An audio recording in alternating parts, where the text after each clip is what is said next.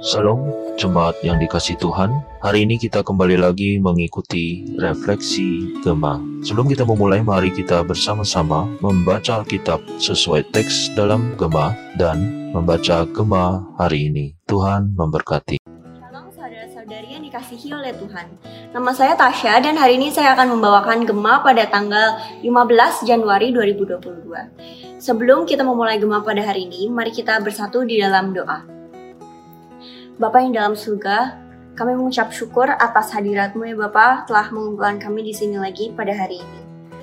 Sekarang kami mau merenungkan firman-Mu ya Bapak, tolong pimpin kami agar kami bisa selalu fokus dan bisa mengerti isi dari firman-Mu ya Bapak.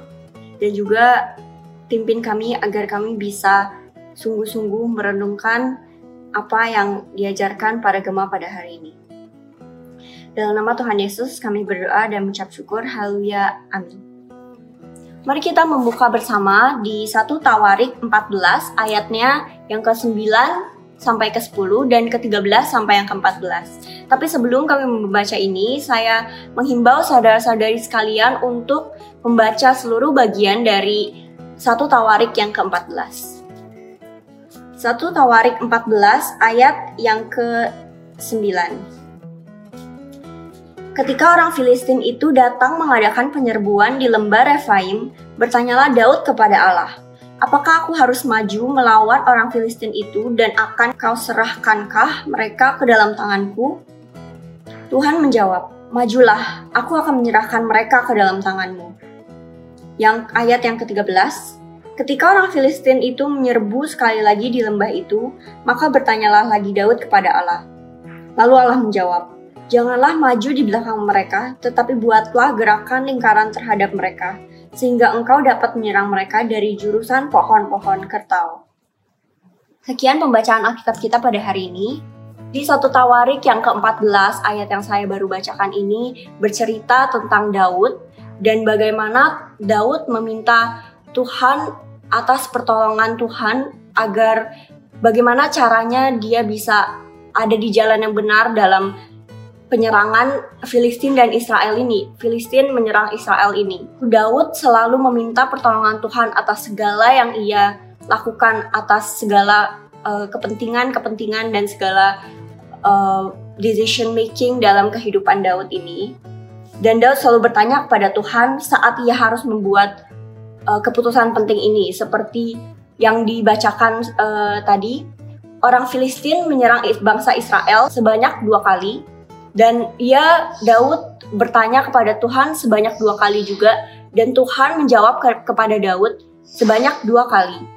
Jadi Daud selalu bertanya kepada Tuhan dan Tuhan selalu menjawab kepada Daud dalam membuat keputusan itu ia dapat memenangkan peperangan ini, peperangan Filistin dan Israel. Karena ia selalu ada di hadirat Tuhan dan ia menghadapi penyerangan dengan pertolongan Tuhan.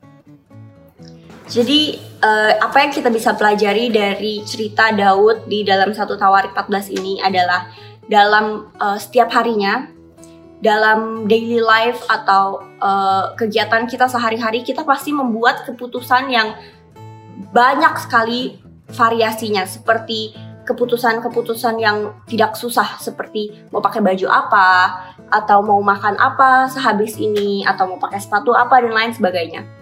Tetapi apakah itu kita tanyakan kepada Tuhan? Mungkin tidak, mungkin iya. Tapi pasti kebanyakan dari Anda ataupun saya mungkin membilang tidak. Tetapi apakah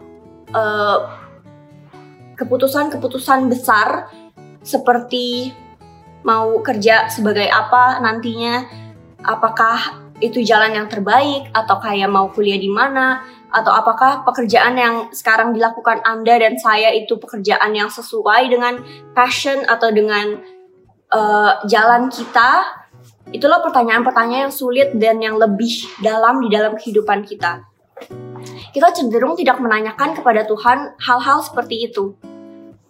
Dalam renungan pada hari ini, kita diajarkan untuk selalu bertanya maupun itu hal yang kecil maupun itu hal yang besar, kita dihimbau dan diajak untuk selalu bertanya.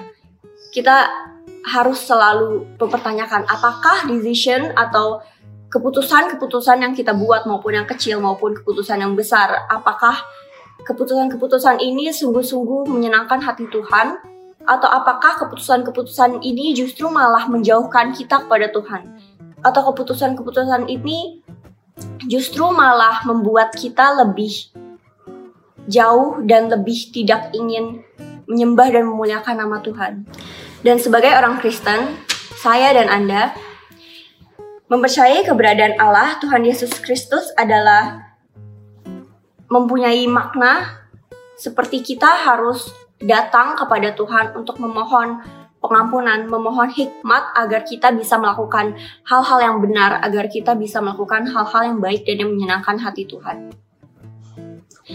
Mari kita renungkan bersama, apakah di dalam kehidupan kita sehari-hari kita lebih cenderung membuat keputusan-keputusan untuk menyenangkan Tuhan atau malah menyenangkan diri kita sendiri. Saudara yang terkasih, adakah engkau melibatkan segala keputusan yang kecil maupun besar? Adakah engkau melibatkan Tuhan dan kebenaran dari Dia yang benar dan yang baik? Adakah keputusan kita di dalam kehidupan ini menyenangkan hati Tuhan?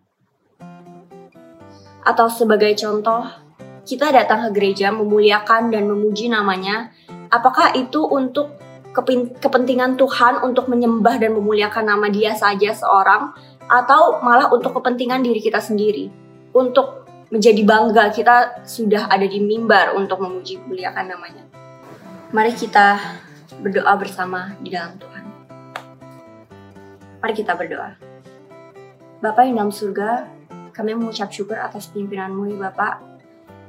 Terima kasih atas segala hikmat dan kebijaksanaanmu di dalam kehidupan kami. Engkau yang telah selalu pimpin setiap langkah dan setiap jalan kami ya Bapak.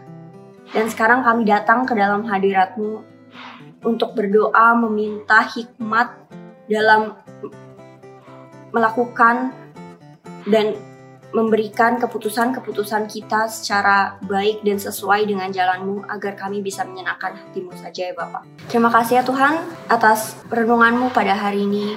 Kami terpukul, kami tergerakkan untuk bisa selalu memohon kepadamu, untuk tidak malu bertanya kepadamu atas segala keputusan-keputusan kehidupan kami yang kami ambil seturut hidup kami. Dalam nama Tuhan Yesus, kami berdoa dan mengucap syukur. Haleluya. Amin. Saudara, mari kita belajar untuk membuat keputusan-keputusan yang menyenangkan hati Tuhan saja dan yang berpihak kepada Tuhan.